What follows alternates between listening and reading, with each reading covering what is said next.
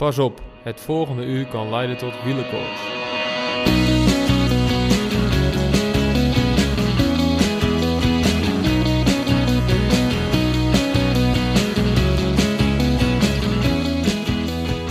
Er zijn tijden geweest dat wij als wielervolgers extreem blij waren met een etappeoverwinning van Joost Postema in Parijs-Nice.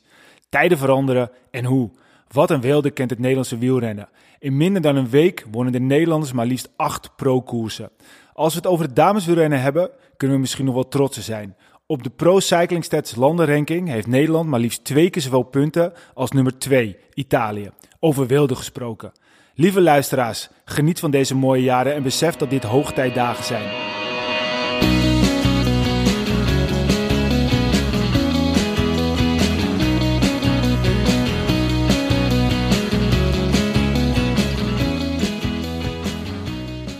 Dames en heren, jongens en meisjes, welkom bij de podcast over wielrennen Arielle de Course. Het komende uur gaat over wielrennen. Besproken van het, uit het oogpunt van twee wielergekken die alles volgen vanuit de bank tegen voor de tv. Samen met wielerprof Peter Koning, want hij, hij heeft echt verstand van wielrennen. Vandaag aflevering 20. Ik ben Michiel Beemster, tegenover mij zit Wilco Kenter. En naast mij is hij weer, Peter Koning. Hij is weer terug. Hoe zijn de benen, Peter? Ja, goed. Uh, ik heb een paar goede koers gereden afgelopen weken met uh. En um, ja, ik heb gewoon uh, veel plezier gemaakt. En dat is een beetje de instelling ook waar, waar ik de koersen in ben gegaan. En um, ja, ik voel me gewoon erg sterk. En ik probeer de koers hard te maken wat mij gewoon ligt. En uh, ja, dan, dan zet je wel de stempel op dat de mensen op je gaan letten. En, uh, maar goed, dat is niet erg. En ik maak gewoon veel plezier. En dat is het allerbelangrijkste. Het was zo mooi, want ik had gisteren een, een, een biertour dit keer in Rotterdam. En ik was tussendoor, moest ik even wachten. En ik zat de lijf trekken van de topcompetitie bij te houden. En het was ook wel grappig, want er stond er... Um, Peter Koning uh, probeert aan te sluiten bij de kopgroep. Uh, Peter Koning wordt teruggepakt. Peter Koning probeert wederom aansluiting te nemen bij de kopgroep. En even later stond erbij. En wederom is het Peter Koning die uh, weg is gesprongen en nu alleen voorop lijkt. Dus je was in ieder geval heel actief. Ja, weet je, ik vind het gewoon leuk om te koersen. En uh, tegenwoordig gaan ze om ook gokken op een sprint of uh, dat soort dingen. En dan uh, durven ze niet door te rijden met de renners die sterker zijn. En dan is het ja, tactiek van het team misschien belangrijker dan het eigen belang. En dat is, dat is goed hoor, daar heb ik niks op tegen. Maar goed, soms vind ik het jammer als ik dan in de kopgroep kom en dat ze dan stoppen met rijden. Omdat ja. ze dan ja.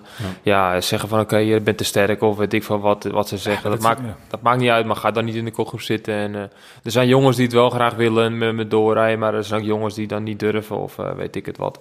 Maar goed, dat maakt niet uit. Uh, het is een goed recht, dat is het spelletje. En ik speel het spelletje zelf ook. En uh, ja. voor mij mag het spelletje hard genoeg zijn. En gisteren waren de weersomstandigheden eigenlijk te goed voor, uh, voor een zwaar spel. En ik heb gewoon genoten. En ja, een beetje loterij in, die, op, in, in, de finale dan. Dus hij gewoon weg. Niet echt op, op power, maar puur op geluk eigenlijk. En ja, goed, ik heb wel weer genoten. En dat is het allerbelangrijkste. Ja. Nou ja, goed, weet je...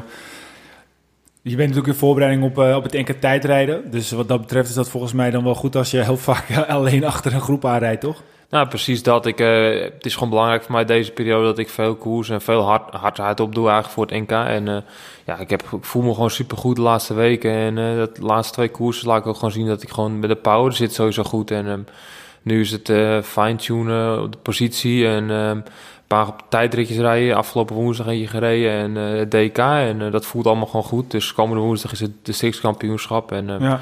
ik vind het gewoon leuk om mee te doen en proberen overwinning te pakken. Ja, ja. Nou ja, we, zijn, we zijn heel benieuwd. Ja, hoe, hoe zit dat, die, die woensdag, die districtkampioen? Moet je daar echt de eerste zijn? Of, of? Nou, het is meer gewoon deelname. En dan, ze zeggen dat de eerste drie die zijn geplaatst voor het NK. Maar goed, ik heb al zoveel jaren laten zien dat ik bij de beste 10 hoor. En, of beste ja. 15.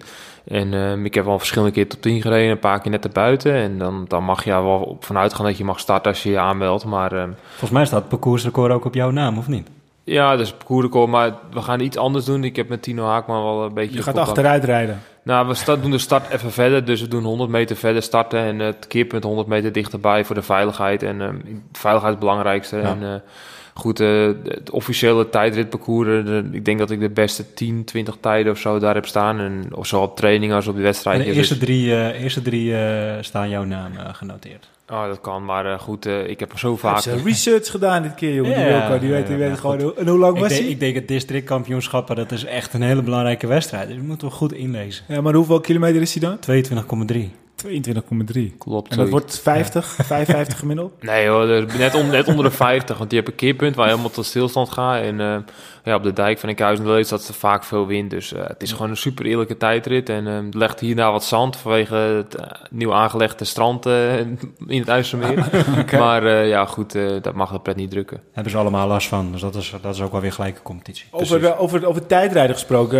we hadden het al even gemeld op onze socials een tijdje terug. Ik zag dat eh Kai Reus eh, dus weer, weer terugkwam. Wilco die was, was scherp, die zag het eigenlijk. Ja. Maar, maar Kai Reus die komt ook weer terug. Dus Ja, eh, eigenlijk alle credits voor, eh, voor vader John, hè? Voor vader John. Ja. Die had hem als eerste... ge- Ja, die heeft ons erop geattendeerd. Wij wilden toen naar jou toe gaan en toen riep hij ons nog eventjes... naar, jongens, hebben jullie al gelezen dat eh Kei weer eh, gaat beginnen? Maar, maar moeten we dat serieus nemen? Nog een comeback van, eh, van Kai Reus?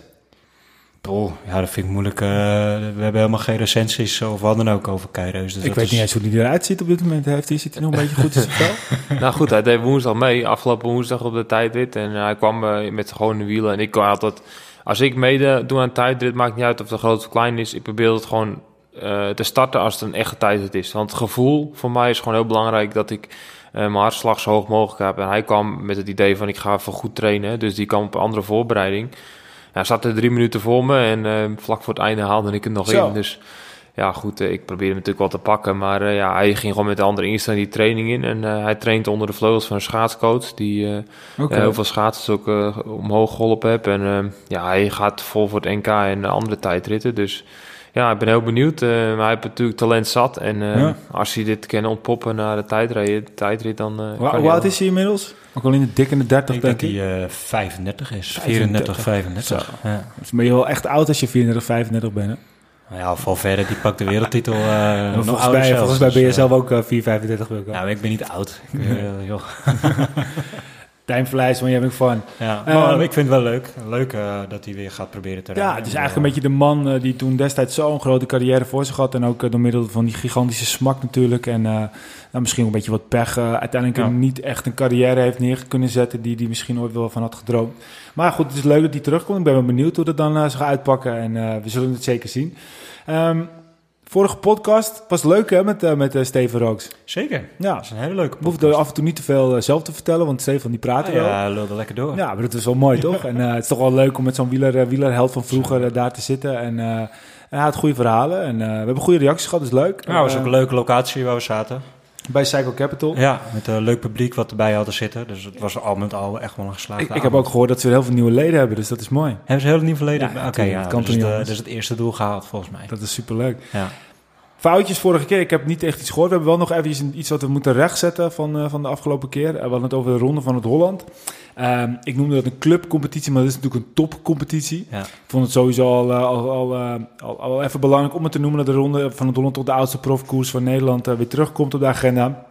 Maar het is geen clubcompetitie, het is een topcompetitie. Dus eh, Ja. ik hoop dat het hierbij bij recht gezet is en eh, dat we daarbij... eh Ja, ze hebben een mooie sponsor gevonden hè, met Beemsterkaas. Die, Beemsterkaas- ja, Oh, ja. goed, het is een super mooie ronde. Ik, ik vind het zelf een van de mooiste koersen in Nederland. En eh, niet omdat ik hier vandaan kom, maar het is gewoon echt een mooie ronde. En dit jaar wordt het tweedaagse, dus ze gaan over, verspreid over twee dagen met een korte Een tijdrit. proloog, tijdritachtig, ja. Ja, en een omloop en een klassieker. En ehm, ja, ze, ik ken de, de mensen die er aan het organiseren zijn, ben ik een beetje dichtbij betrokken. En ehm, ja, het wordt echt een mooi evenement. Alleen eh, zijn ze nog op zoek naar, eh, Nou, zijngevers, hè? naar zijngevers. Dus eh, ja, mochten we nog mensen luisteren die zeggen van... hé, ik wil wel een vlagman houden op eh 8, 9 juni, dan Ja, dus laat mocht- maar weten. Nee, maar dat is wel goed. Mocht, eh, mocht iemand zich willen aanmelden om een keer mee te helpen met een, eh, met een prof wielerevenement, tenminste met een prof met, met, met een grote koers in Nederland, meld je even aan. Stuur ons altijd ook even een privéberichtje naar eh, onze Twitter of Instagram of, eh, of, of via onze website.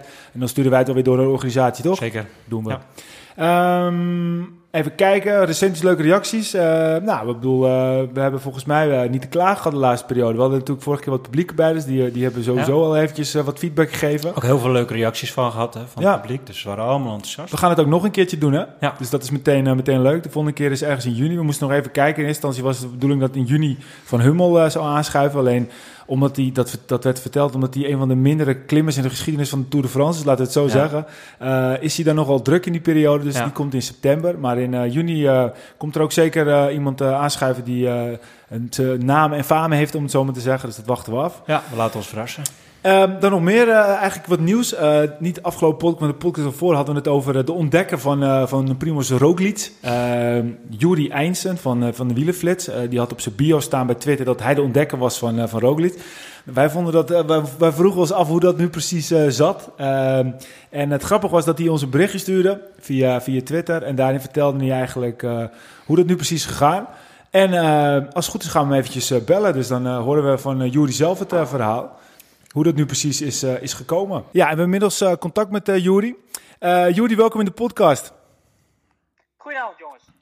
Hey, um, voor de luisteraars die, eh, die later inschakelen. Ja, maar sommige mensen, hebben vorige keer de, na de laatste podcast waren er echt nog uh, een paar honderd mensen die in de nacht nog de podcast hebben geluisterd. Dus uh, er zijn ook genoeg mensen die straks hem zelfs nog in de nacht gaan luisteren. Dus goede nacht en goede, goede morgen om het zo maar te zeggen.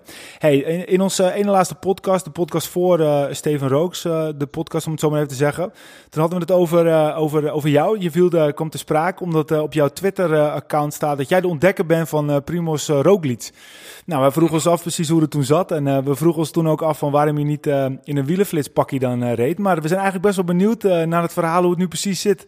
Hoe is dat zo gekomen? nou, ik ben een, ben een vervent schansspringen liefhebber. En op die manier ben ik een keertje naar Oostenrijk af, afgereisd. En toen zag ik daar een Sloveen van een schans af, afdalen. Toen denk ik, hé hey, verrek, dat is de toekomstige toerwinnaar. Nee, zonder gekheid, dat is natuurlijk, dat is natuurlijk een lulverhaal. ja, wat had hij toen ook? Ging je droos naar beneden of niet? Uh, nee, hij was toen volgens mij in het... Nee, zonder gekheid, geen idee. nee, uh, nee, maar het, was, uh, het, het, het, zit zo. Ik volg de belofte wielrennen ja, op de voet. hou ik ook allemaal bij in Excel-sheets en zo. En toen volgde ik in 2013 eigenlijk Matej Mohoric, die toen eerstejaars was. En toen in de ronde van Slovenië stuitte ik voor het eerst op Roglic. Die werd er 15 in het eindklassement. Uh, maar goed, ja, voor de rest niet heel bijzonder natuurlijk. En toen zag ik hem een jaar later in een Italiaanse 2.2 koers, de Giro del Friuli, uh, opnieuw in de top 10 staan. denk ik, oh ja, dat is die gast van Slovenië. En toen tikte ik uh, Pro Cycling Stats zijn, uh, ja, zijn gegevens van dat jaar in. En toen bleek hij best wel goed te rijden dat, dat seizoen. Um, een jaar later, in 2015, begonnen wij op Wielenflits met, met de reeks 10 potentiële aanwinsten voor Lotto Jumbo. En die, die hadden toen echt een ja, misschien wel het slechtste seizoen uit hun geschiedenis gehad. Um, moesten op zoek naar ja, uh, buitenkansjes, om het zo maar te zeggen. Nou, toen dacht ik, weet je wat, misschien is die Roglic wel wat voor hun. Had ik een stukje bijgeschreven. En uh, nou ja, de of tenminste, een aantal reacties op dat stuk, dat waren, ach, uh, Sloveen, die nemen ze nooit. En je snapt er echt helemaal niks van. En bla bla bla bla bla. dat mag natuurlijk. totdat twee maanden later een persbericht naar, naar buiten kwam. Lotto Jumbo contracteert Primoz Roglic. Geniaal. Toen moest ik natuurlijk wel even, even lachen in mijn vuistje. En dat maakt op zich niet zoveel uit. Daar heb ik voor de rest niks mee gedaan. Alleen altijd als ik dan uh, bijvoorbeeld iets over een belofte renner schrijf. Uh, Um, ja, dan wordt er vaak gezegd, ja, je hemelt zo op. Of, uh, nou, daar heb je weer iemand van Jury Stokpaardjes. dus uh, dat stukje van ontdekken van Rookline in Twitter bio, dat is een dikke vette knippel. Um, maar, maar wat als, als, als, uh, als Lotto Jumbo destijds, was natuurlijk Lotto Jumbo nog gewoon ook jouw stukje heeft gelezen. En dat, dat, dat ze misschien wel het gewoon op die manier hebben, dat ze hem wel op die manier hebben ontdekt. ja, dat, dat zou natuurlijk kunnen. ik heb het ook wel eens gevraagd, zo stiekem weg. maar goed, dat, dat gaan ze natuurlijk nooit toegeven. Ehm, en het zou natuurlijk ook niet heel erg eh, ja, uh, professioneel zijn als, als ze op die manier op Roglic zijn gestuurd. Aan de andere kant, uh, dan zullen ze misschien, nou ja, dat klinkt dan ook wel heel erg arrogant, zo wil ik het niet noemen, maar dan zullen ze diegene misschien wel blij zijn die, die dat opgeschreven heeft. Ja, nou, zeker. En ik bedoel, Richard Plugge heeft natuurlijk uiteindelijk een achtergrond als, als journalist. nou, ik, ik, ik zie jou wel over een paar jaar gewoon als, als talent scout bij, bij Jumbo-Visma werken. Uh, ja, wie weet. Uh, het zou zo leuk werk zijn. Het is, niet, het is niet zo dat ik het direct ambieer, maar uh, je weet het nooit hoe het loopt. Oké, nou ja, goed. Dan, dan weten we in ieder geval dat wij hebben toen wat aandacht aan jouw verhaal besteed. Dus als je ooit talent scout wordt, dan komen wij een keertje langs in de ploegleidersauto. Is dat goed? Ja, zeker. En dan, dan kunnen jullie zeggen dat jullie dat ontdekt hebben. Ja, ja precies. Ja. Hey, en de allerlaatste vraag, want je hebt het over je paradepaardjes. wie wie is de nieuwe Roglic voor over een paar jaar? nou ja, goed. Ik denk dat hij zich dit jaar al aandoet. En dat mag niet een hele grote verrassing zijn. Maar uh, dat is zijn landgenoot, uh, denk ik, uh, Tadej Pogacar. Die afgelopen week ook de Tour of California won. Ehm, ja, echt, echt een waanzinnig goede renner. En als je nu naar de belofte kijkt, eh, zou ik zeggen, hou Andreas Leknesund in de gaten. Nou, dat gaan we doen. Hey Juri, eh, hartstikke bedankt. Sportief dat je eventjes eh, wilde bellen. Ja, dat was wel toch wel echt een prachtig verhaal van Juri, hè? Ja, ja, heel mooi verhaal. We waren wel een beetje kritisch, dat we dachten, nou, hoe kan iemand nou neerzetten op zijn tijd, eh, of zo- op zijn, op zijn, hoe noem je dat, zijn bio met Twitter, dat hij de ontdekker is. Maar als je nou gewoon heel eerlijk bent, ik zou me echt niks verbazen als gewoon Lotto Jumbo dat heeft gelezen toen, hoor. Het zou best kunnen, maar dat is eigenlijk ook wel goed om kritisch te zijn. Want nu kan Juri zijn verhaal doen en er komt gewoon een heel mooi verhaal Ja, uit. nee, maar, maar ik, ik geloof er wel in. En, en ook eh de Pogacar natuurlijk, een groot talent. Maar ik ben wel benieuwd nu naar die Noord. Dus als die ook straks over een paar jaar er doorbreekt, dan, eh, ja, dan denk ik echt dat het een, een nieuwe talent scout is van, eh, van eh, Jumbo-Visma. Ja, ja. ja, nou hij moet het ook gewoon veel vaker doen. Als hij, als hij denkt dat er iemand heel goed is, dan moet hij dat gewoon gelijk ook online eh, gooien. hè. Want dat zijn, eh, ik neem er ook niet. Dat zijn Ja, gewoon nee, gewoon Nou, of gewoon toppers. eh, even de privé contactlijn met Lotte Jumbo, Jumbo-Visma. En eh, even zeggen, er zit ook wat voor wielenvleet. Ja, precies. Ja, maar weet je wat het is? Het is wel een beetje Nederlands dat, dat je dan niet mag zeggen van dat je iemand hebt ontdekt. Eh, wij zijn blijkbaar ook een beetje zo. En wij zeggen ook Ja. meteen van... eh, maar aan de andere kant, als hij dat dan gewoon heeft... Hij heeft hem echt ontdekt. Ik bedoel, Ja. hij dacht in de ronde van Azerbeidzjan dat Peter hem had ontdekt. Dat was ook een grapje natuurlijk. Maar hij zat Ja. dus al een paar jaar daarvoor zelfs al, eh, da- al. Nou, ik denk dat het dat, dat jaar was. Het was dat jaar dat hij ook goed reed in de Ronde van Azerbeidzjan. Dat hij ook in, eh, wat uh, jullie zei, in eh Friuli geloof ik dat hij goed reed. Want Ja. ik, ik heb hem ook wel gevolgd natuurlijk. Maar eh, ja, weet je, het geeft gewoon aan dat de mensen ook alle niveaus volgen. En gewoon de passie voor de wielersport echt hebben. En dan ga je ook de, de jongere categorieën volgen. En dat is super interessant. Ja. En ik vind het zelf ook mooi om te zien om jonge jongens eh, die er doorkomen om eh, ja, die, eh, de stap te zien maken. En dan een beetje Ja. het wauw-effect. En Ja. ja. Ja. dat, dat zoekt hij ook. En daar haalt hij zijn passie uit. Dat is mooi. En wat ik ook wel vind, kijk, zoals Pro Cycling Stat, daar kan helemaal niemand zonder in het hele wielrennen, want dat is gewoon een geniale site. Maar Wielenflits is ook gewoon eh, voor ons Nederlanders, tegenwoordig heb je ook wielenflits.be, Ja. is natuurlijk ook gewoon een geniale site. Ik zou ook niet zonder die de Wielenflits kunnen. Nee, alle, alle info over wielrennen, eh, verslagen, interviews, dat eh, kan je daarop terugvinden. En je haalt er zoveel informatie uit. Ja, kijk, we hebben wel eens, we laatst ook een keer gehad met, eh, met een stukje dat het een we- beetje telegraafgehalte vonden. Maar ja, dat, dat mag ook een keertje en dat is helemaal niet erg. Ik bedoel, als je op een gegeven moment een beetje wil scoren met nieuws, kan dat. Maar ja, gewoon grote complimenten. En wij nemen onze woorden terug. Juri Eindsen is de ontdekker van Primoz Roglic. Daar sluiten we mee Bij af. deze, ja. Goed. Oké, ehm, dan gaan we verder. Ehm, je hebt een lekker bakje koffie ingeschonken, Peter. Ja, dat is Ik, goed, eh, hè? ik heb net eh, tijdens het gesprek met Juri even een paar keer de stoel. Maar wat, maar wat is dat voor koffie, joh? Nou goed, eh, Dat is lekker, man. Ja, is heerlijk. we zitten weer bij mij thuis aan de keukentafel. en eh, ik heb de rocket maar even aangeslingerd weer voor die jongens. En eh, ja, ik had eh, wat bonen gekocht via van de brandzaak. En ehm, ik wou wat anders proberen dan anders. En ehm, ja, ik ga altijd voor een goede kwaliteit. Een goede bak koffie is voor mij gewoon erg belangrijk voor het trainen en voor het gevoel. En ja, alles wat erbij hoort eigenlijk. En ehm, ja, we hebben het laatst in de krant ook gelezen dat de koffie en wielrennen heel goed samengaat. En, ehm, maar zonder gekheid, eh, ik had eh, bonen van de brandzaak gekocht. En ehm, ja, die, eh, die bevallen me erg goed. En het is mooi dat het bij jullie ook bevallen. Ja, nou, Ja, ik, het was eh, een heerlijk bakkie. Sowieso een dagje koffie is een dagje niet geleefd. Mensen hoor. denken nu, wat hebben die, die, die is een en al sponsoring en eh bladibla. Nou, misschien moeten we die gasten serieus een keertje bellen. We hebben nu al, we hebben nu al gratis reclame voor ze gemaakt. Dus Precies. moeten ze- Ja, en ze hebben echt lekkere koffie. Dus weet je, waarom weet je wat ik ga niet doen? Ik ga morgen ga ik ze eens bellen om te kijken of wat Goed er even valt. Gaan we doen, gaan we Oh. doen. Hou hey jongens, eh, ja, nee, dat ga ik zeker doen. Ehm, het is niet zo lang geleden sinds de laatste podcast, maar eh, er is alweer een hele, best wel veel gebeurd. Dus eh, laten we maar even snel gaan terugblikken op, eh, op de laatste dagen. Laten we ook beginnen met eh, de Giro. Eh, de laatste keer dat we elkaar spraken was etappe 5 net voorbij. En toen Ja. won eh, Akkerman. Ja. Eh, etappe 6. eh Masnada. En die riepen we ook nog eens een keer eh, op, op eh, in onze Giro voorbeschouwing. Dus eh, we zaten er... eh, om, eh, om even een Jury Eindsen, eh, Eindsen te doen. We zaten er goed bij. We, hadden hem ontdekt.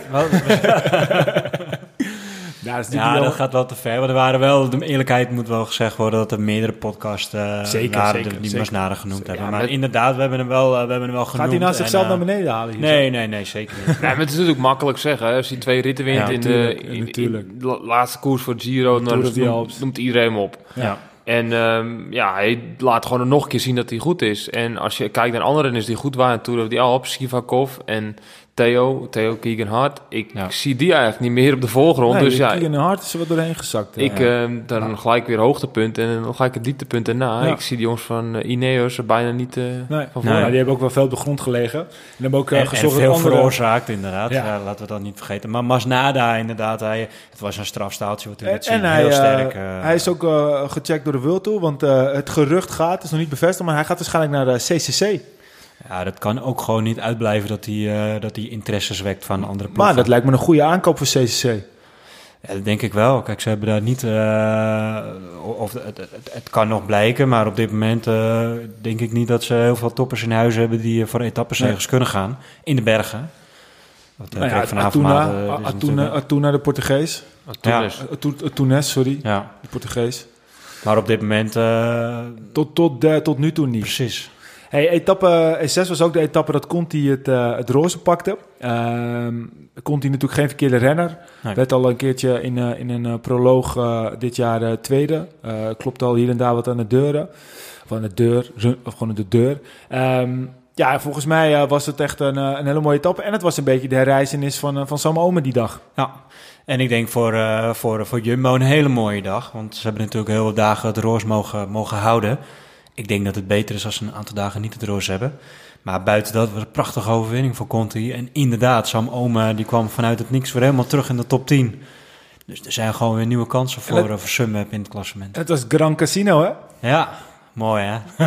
Wees blijven zo rustig. Die van hij valt dan Roglic. We hebben het nu over de val in het begin van Ja, die rit 6. ja. En eh, ja, hij blijft zo rustig. En hij maakt een geintje en hij lacht een beetje. En eh, Ja. de rust straalt er gewoon vanaf. En dat is zo verschrikkelijk belangrijk in zo'n grote ronde. En En zal vooral, dat ook de kern zijn van zijn succes op dit moment? Dat hij zoveel plezier en relaxed is. En... Zeker weten. Ik, ik zag toevallig nog een filmpje vandaag langs, of gisteren langskomen van, eh, van de Jumbo Twitter. En eh, die zit, dan zie je hem ook in de auto zitten naast de ploegleider. En zegt hij van, de koers gaat vandaag beginnen. En dan zegt hij gewoon in de, de morgen van de tijd, zegt hij, de koers gaat vandaag beginnen. Dus dan betekent maar hoeveel hij geleerd hebt van andere renners die fouten Ja. gemaakt hebben om vanaf En, de en start hoe snel, hè? En hoe snel hij heeft geleerd in die paar jaar tijd. We hadden het vorige keer ook met Echt. Rooks erover. Het is echt binnen no time. Ja. En voor de mensen die geen idee wat we nu met eh, Gran Casino bedoelen. Want hij zei Gran Casino, zei hij toch? Ja, volgens mij Ja. wel. was een filmpje. Hij was eh, net best wel hard op zijn waffeltje gegaan. Hij had flinke rosbief op zijn billen, om het zo maar even te zeggen. Zijn broek lag open. En hij komt langs de ploegleidersauto. En ja, je ziet ook een beetje de angst in de ploegleider eh, bij, bij de, in, in de oog van de ploegleider bij Jumbo-Visma. En eh, hij komt, hij zegt, Gran Casino, me like. Ja, mooi. Fantastisch toch? Ik dacht ook meteen, maar ik was eigenlijk wel een beetje... Ik, ik ben natuurlijk wel een beetje gekleurd. Het lijkt me tof als Jumbo en nu Tommy er niet meer is, de Giro wint. Ja. Maar eh, het stelde me ook wel gerust. Want ik, eh, ik had verwacht, ik heb wel eens natuurlijk al andere jaren ook wel gezien dat iemand te hard viel. En dat hij uiteindelijk daardoor zoveel energie door verloor en, en niet meer eh, kon. Maar hij, het heeft hem tot nu toe niet, niet Ja. geschaafd, om het zo Nee. maar te zeggen. Weet je wat ik me, me afvroeg op dat moment dat het, dat het dus gebeurd was? Hij reed de hele tijd dus met een kapotte broek, een blote beeld, het was best wel koud. Het was heel vroeg in de etappe. Nou, hij heeft dan later dan een verband gekregen, waardoor het een en ander nog wat afgedekt was. Maar stel nou dat er geen ge- eh, verband opgeplakt wordt. Moet hij dan de hele etappe met een blote beeld blijven rijden? Ja, of- maar dat is voor de temperatuur hoef je niet te doen hoor. Nee. Dat beetje lycra, dat doet echt Nee, helemaal maar niks. krijgt hij dan een andere broek of, of, moet hij, of is dat niet... eh, Nou. en hoe gaat dat dan? Moet hij stoppen of kan dat fietsen? De, Ik ben kijkwijze eh, wordt alleen aangepast, denk ik. Ja. Nou goed, dat gebeurt natuurlijk. Ik heb het ook wel gezien dat jongens eh, vallen dat de hele broek van de kont af is. Maar eh, over het algemeen, de meeste broeksrenners hebben een regentas achter in de auto. En in die regentas zitten reserveschoenen en de regenkleding. Dus handschoenen, muts, alles op en eraan. Maar ook een reservebroek en een reserveshirt. Dus ik had ook altijd een broek, of ik heb nog steeds een broek in de auto leggen. Vaak voor het gevallig zoals dit. En als je dan echt niet, niks anders hebt, dan moet je wisselen. Ja. hoe, hoe, hoe snel, hoe lang moet je... Dat wisselen duurt toch wel eventjes. We hebben Tom zien poepen Ik toen, wou maar, zeggen, eh, dan moeten Tom even ja, bellen, maar- niet... eh. Als jij eh, de broek al kapot is, dan trek je, knip je hem stuk bij wijze Ja. van. En dan stap je af en je trekt een broek omhoog en eh, klaar. Het is, dat is geen minuten werk. Het is eh, 20, 20, 30 seconden en je komt achter de auto terug. gehad? Nou, ik gelukkig niet. Maar eh, ik ben wel voorbereid als het gebeurt. Ja, wat ga je doen? Heb je wel eens dat je moest poepen trouwens in de koer? nu we het toch over... eh, Ja, ik heb, dat heb ik wel een keer gehad ja? bij de junioren. Ja. Toen moest ik echt zo nodig. Toen kon ik niet houden. Had voedselvergiftiging en eh dan ben ik zo wel recht doorheen gegaan. Geen verkeersbord in de berm of zo. Nee, je- maar het was ook, gel- ik was ook gelijk uit koers. Het Oh, was ja. ook echt... eh, en ik heb trouwens nog een keer gehad in Ronde van Veen, in Veenendaal Veenendaal Classic. Met, eh zat ik de hele dag in de kopgroep bij de Rapak waar ik volgens mij. En ik rijd de hele dag in de kopgroep en ik voelde me echt super sterk. En ik werd teruggepakt, het peloton. En in één keer voel ik het opkomen. En eh, ik denk, ik moet nu stoppen. Dus dan ben ik ook gelijk gestopt en dan gelijk uit koers. Maar ja, wat moet je? Als het in één keer zo erg nodig is, dan, dan Ja. is het een, een bacterie of een voedselvergiftiging. Ja, en dan moet het er heel zo snel mogelijk uit. Ja. Dus, eh, Maar het, het ging over de broek van Roglic. Ja. Daar begonnen we om. En eh, uiteindelijk eh, kwam het allemaal goed, kwam het goed. Dus dat is mooi. Zeker. En. Conti pakte, plakte de roze trui. Ehm, dan etappe 7. nou, weer een kopgroep weg. Met onder andere wat grotere namen. Met, met Bilbao, met Galopin en ook met Formelo. Ja, een mooie rit hè. Dat was, een, was een hele mooie rit. En, ik lag op de bank heel dag. Ik had een beetje rustdag, halvers. En uh, ik denk, oh, dit kan wel eens een mooie rit worden. Lange etappe. En uh, ze voorspelden een beetje minder weer. En ja. dat was het uh, de hele week natuurlijk wel een beetje minder weer. En ik zag dat tegelijk van begin grote groepen niet wegkwamen. En dan, dan dat trekt voor mezelf als renner altijd een beetje de, de indruk van... oké, dit wordt een hele zware rit. Want als je ziet dat die jongens vervechten in grote kopgroepen... betekent dat er super hard gereden wordt aan het begin. En als ik dan achteraf uh, ook op Twitter zie van uh, ex-ploegmaatje van Kone Dun... dat hij 1 uur 50, 411 watt gemiddeld rijdt... dat betekent dat het mega hard gegaan is. En dan gaan alle renners gaan het voelen. En daarom werd Laurens de Plus ook uit koers gereden... omdat hij gewoon ja, niet kon volgen omdat het zo verschrikkelijk hard ging. Ja. En dat maakt zo'n eerste week in het Giro. Iedereen heeft het over dat saai was, dat er niks gebeurde, dat soort dingen. Maakt het loeien, loeien zwaar voor de laatste week. Want iedereen die zit een beetje nu op het tandvlees. En die is toch echt wel vermoeid na negen dagen. En uh, ja, goed, dan gaan we zeker uh, doortellen in de laatste week. En Bilbao uh, was ook goed, want Astana stond natuurlijk alweer een flink tijdje droog. ja, ja, ik dacht eerst, oh, dat gaat wel waarschijnlijk wel weer Bora worden. Want ik vond Vormen nou echt heel sterk. nou, ik had Calopen ook wel hoog ingeschat hoor. Ja, maar die, die liet ook wel wat steekjes vallen uh, als, als het eventjes om, omhoog ging of het werd wat moeilijker. Maar Formelo zat er continu bij. Alleen ik denk dat hij misschien iets te veel werk heeft verricht. Maar ik vond hem zo sterk uh, eruit zien, ook in de afgelopen weken natuurlijk. Maar goed, een mooie winnaar met, uh, met Pelle Bilbao. Ja, zeker, zeker. En nou ja, Peter, het was toch een beetje jouw favoriet Galopin. Dus het, ja. is, het is toch meer, wordt het waarschijnlijk geen klassement, maar toch wat meer uh, etappes. Nou goed, ik denk Calopé is een killer. Hè? En uh, we hebben het laatste week uh, genoeg keer gehad. Je moet het even uitleggen, want we hebben, we, hebben, we hebben een groepsapp en daarin viel continu het woord killer. En we gaan geen namen noemen wat wij geen killers vinden, maar wat is nou precies in onze, of eigenlijk in jouw ogen, een killer? Nou, ik ken hem wel bij de bijnaam noemen, de High van Messina. Dat is een echte killer. En daarom heb je waarschijnlijk ook ze zijn bijnaam had. We hebben het over Vincenzo Nibali. Dat is een winnaar. En een winnaar in mijn ogen is een killer. En dat is ook... Uh, Sagan is ook een killer. En die jongens, uh, Viviani, gaan maar door. Al die sprinters zijn stuk voor stuk killers.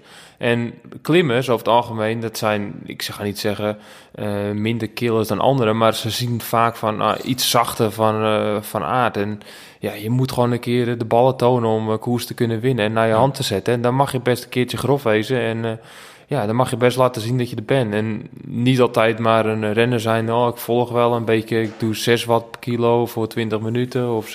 Ja, dus niet ja, flikker op, gewoon beuken. Maar, we kwamen er eigenlijk op omdat wij vonden dat sommige, met name sommige Nederlands, we hebben natuurlijk heel veel wereld, we winnen veel, we, we, zijn super lekker bezig. Maar we kwamen er eigenlijk op dat sommige Nederlanders soms niet die, die winnaarsmentaliteit hebben, die, die, die niet over, me, over mijn dead body, om het zo maar te zeggen. Precies. Uh, een goed voorbeeld daarvan is Ome komt dan wat terug. Alleen dan, dan, het was een fantastisch interview na de wedstrijd overigens met Eurosport. En het, was, heel, het was eigenlijk meer teder en lief. Maar, maar het komt, ja, ik zie het wel en ik weet het niet. En uh, het, uh, misschien dat het, dat het zo komt en ik, ik zie dat, dat, wel. En maar, dat we dan net dat stukje missen dat hij zegt van... Oké, Tom is uitgevallen, niet, het is mijn kans, ik ga nu voor het klassement. Of, ik wil winnen. Of, ja, ja, precies. Of ik nou goed genoeg ben of niet. Ik ga voor het klassement, bam. Maar het is ook hetzelfde in de tijdrit. Hij zegt, ja, dit met mijn fiets de hele tijd, uh, ik, ik, krijg er niet echt de wattages uit en ik weet het niet zo goed. En dat is, het is, hij is zo goed, jongen. Je staat op een positie, je staat gewoon top 10 in de, in de Giro. En dat is het, hè. Het is niet dat hij niet goed genoeg is, want we willen hem niet afkraken, want dat is helemaal niet aan ons. Maar hij is, het hij gaat er juist om... betere als, als ik in zijn lichaam had gezeten en had ik niks anders gewild dan winnen, had ik alleen maar, ah, ik wil winnen, winnen, winnen, winnen, winnen. En dat proberen we nou van, omdat we zo graag willen zien dat hij goed wil rijden, dan gaan we een beetje eh, aan die kant spelen van, hé, hey, we willen zien dat je een killer bent, we willen zien dat je een keer zegt, godver, ik wil volgende keer winnen en ik wat nou verkloot, maar volgende week sta ik er. Ja, dat vinden we veel mooier en ik denk ook dat, dat je daardoor een beter coureur wordt. En dus de eigenlijke killer denkt niet in problemen, maar altijd in uitdagingen. eigenlijk Overal is het een uitdaging. Nederlanders, sommige Nederlanders komen Grinta tekort. En Grinta is gewoon de absolute wil om te willen winnen. Of de wil om te winnen. En die, die wil is er soms niet. En die, die, het is meer van, we zijn ook blij dat we erbij zitten. En we zijn blij dat we, dat we, dat we er staan en dat we bevestigen. Want dat, dat doet hij natuurlijk continu. Maar, maar zoals als Van der Poel rondrijdt, die, die, die, die, die gaat gewoon alleen maar akkoord met, met winnen. En die wil gewoon alleen maar winnen. Dat is een killer. En, en dat is Van Aert ook. Wout van Aert, die rijdt gewoon alleen maar omdat hij wil winnen. En tweede is niks van En we hebben te veel renners, terwijl we...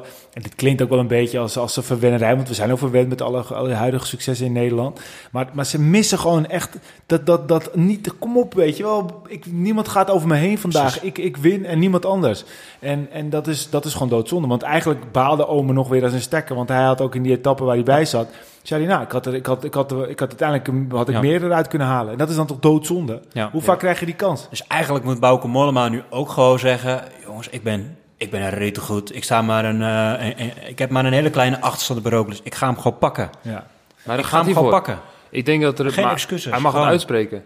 Ja, maar ook gewoon overduidelijk uitspreken. Ja, maar- en, niet, maar- en niet, we gaan het we zien en ik voel me nu Maar goed, dat, is, dat, dat is typisch Nederlands. Want dat is eigenlijk ook weer net hetzelfde wat we met Jury dus net besproken. Je, Ja. mag, wel, je mag, mag wel goed zijn, maar je mag het niet zeggen. Dus als jij Nee. bijvoorbeeld, hij zegt ik ben ontdekker van Roglic. Nu, nu zegt hij, ja dat is eigenlijk een grapje en zo, dat snap ik. Ja. Maar waarom zou je dat? Hij mag het moet gewoon zeggen. En als, als Jeetse zegt in het begin van de Giro, ik ben gewoon de beste en eh, ik ga winnen. Dan, dan hoor je in Nederland, "Ja, ja, wat eh, een groot mondje. Ja. bla, bla." Maar die focus zit er dan wel. Die focus zit wel in je hoofd. Maar als je het zelf winnen. niet gelooft, dan, dan kan je ook gewoon... Ja. En, en als je verliest, ja, dan verlies je even goed wel. Precies.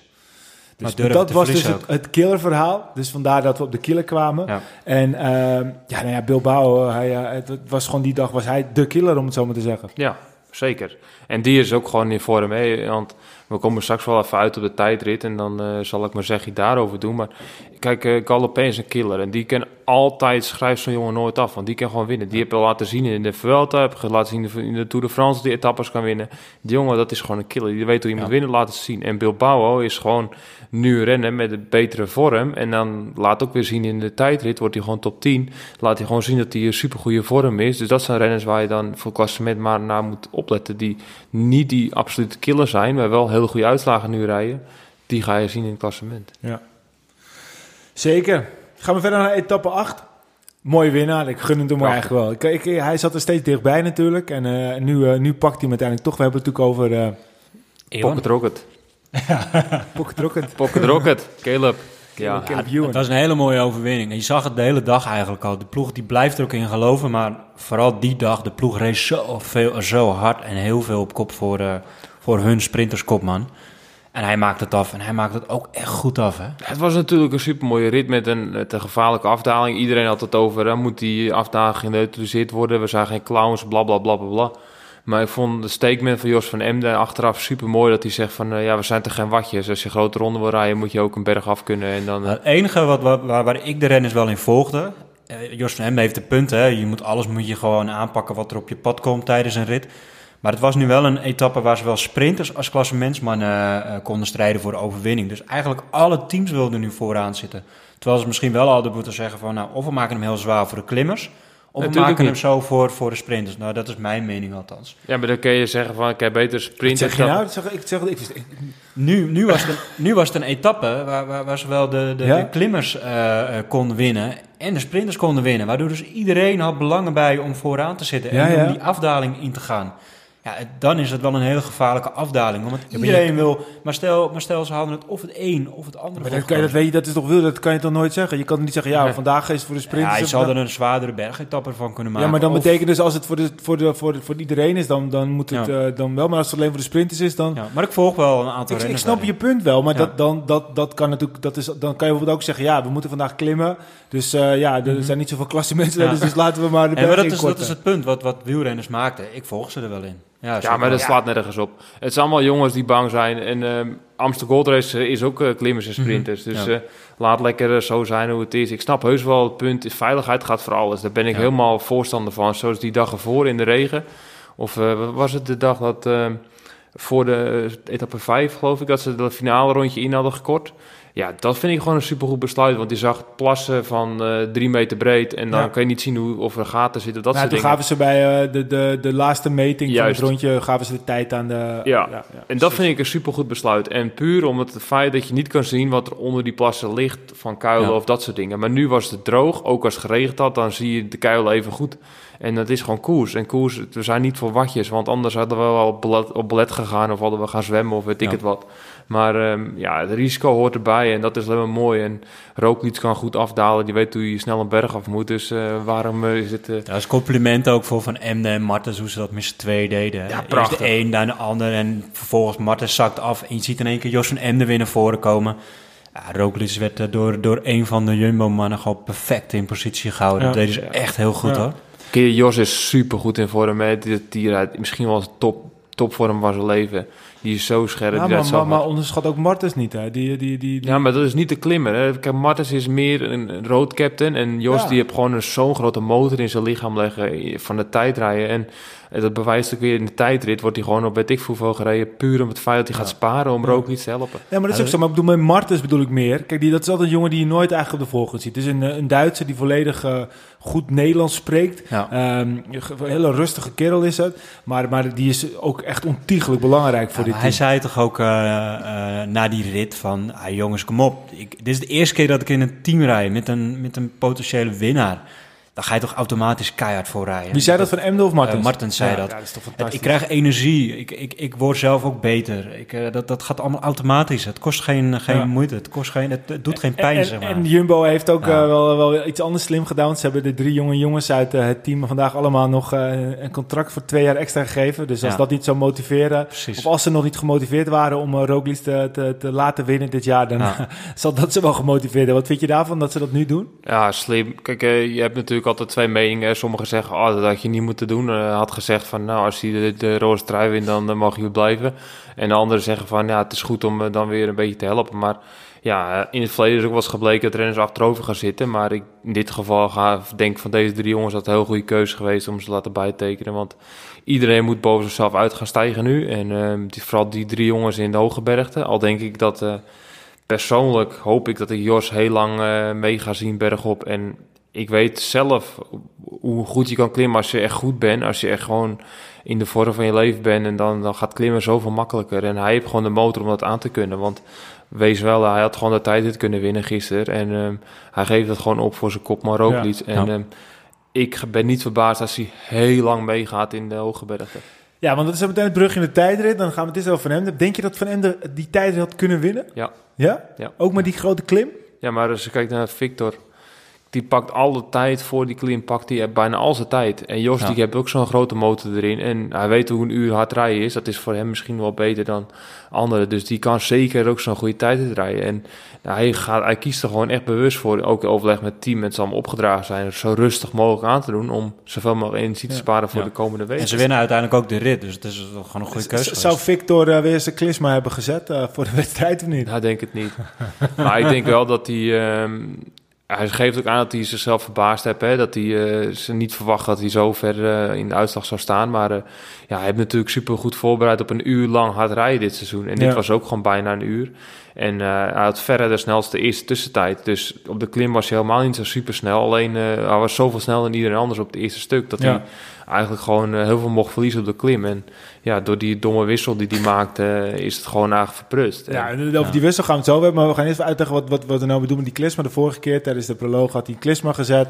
Waardoor hij eigenlijk zijn hele darmengestel helemaal leeg maakt. En nog lichter is om te kunnen klimmen. Dat is eigenlijk het verhaal achter die klisma. Ja. Vandaar dat we nu steeds afvragen. En we noemen hem over maar vieze Victor, denk ik. Want eh, met, met vieze... Nou ja, goed. Dat wordt wel een heel raar verhaal. Ja. Maar dat, is, eh, dat heeft dus met, eh, met zijn klisma te maken. Ehm, ja, want, want hij moest nog een, een fietswissel doen. En het was een beetje comedy capers, om het Ja. zo maar te zeggen. Want hij werd, hij werd door de verzorger werd hij geduwd, terwijl hij niet eens op zijn fiets zat. dus hij was aan het redden met zijn fiets en toen ging de verzorger hem duwen. Ja, en dat die liet hem op er een gegeven moment los. En toen had ik het idee dat hij nog niet in zijn pedalen zat. Toen kwam er nog een toeschouwer gelukkig. Ja. Die, die, nou, het was echt... eh, Het zag er niet uit. Maar gelukkig dat het zo ging, want nu kon eh eh, Roglic gewoon de etappe winnen. ja. Maar zou, zou Roglic hem anders ook niet gewonnen hebben? Zou het meer dan 11 seconden zijn geweest? Ik denk dat eh Vic dat gewoon als hij op zijn tijdfiets had gebleven.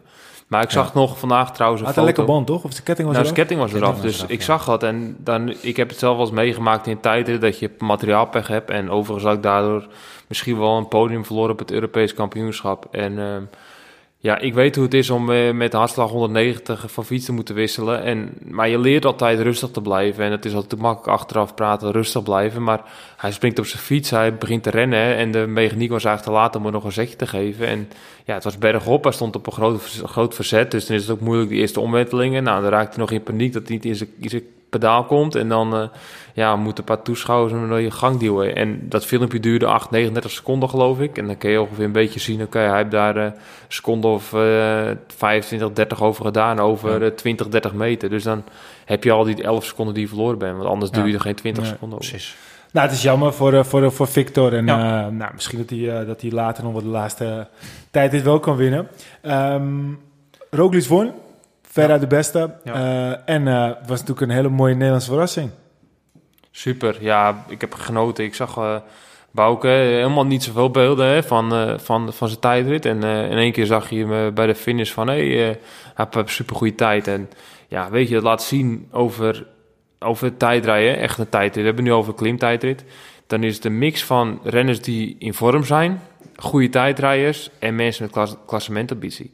En je ziet dat jongens als Mollema, die is misschien niet de allerbeste tijdrijder, maar die is zeker weten man in vorm. Terwijl hij het in het verleden wel vaker nog heeft laten zien en dat hij heel goede tijdrijden, tijdritten kan Zou hij het nou een keertje anders hebben ingedeeld, die hele ronde? Dat hij dus misschien uh, wat, wat... Hij was ook eigenlijk best wel goed in de proloog natuurlijk.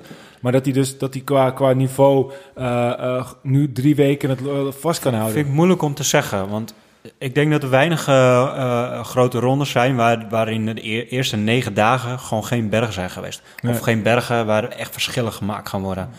Ik kan ja, Tour de France zie je heel veel, hè, dit, dit soort dingen. En dan een paar keer heuvel af het ritje, maar niet uh, echt uh, Alpine. Dat doen altijd wel de laatste twee weken. Ja. En Mollema, die heeft gewoon supergoed doorstaan die eerste negen dagen. Bijna hij is niet gevallen ook. Hè. Hij ligt is natuurlijk, maar hij is ook niet gevallen. Dus dat is ook belangrijk. Hebben jullie vandaag uh, die column van, van, van Frank Heijnen gezien?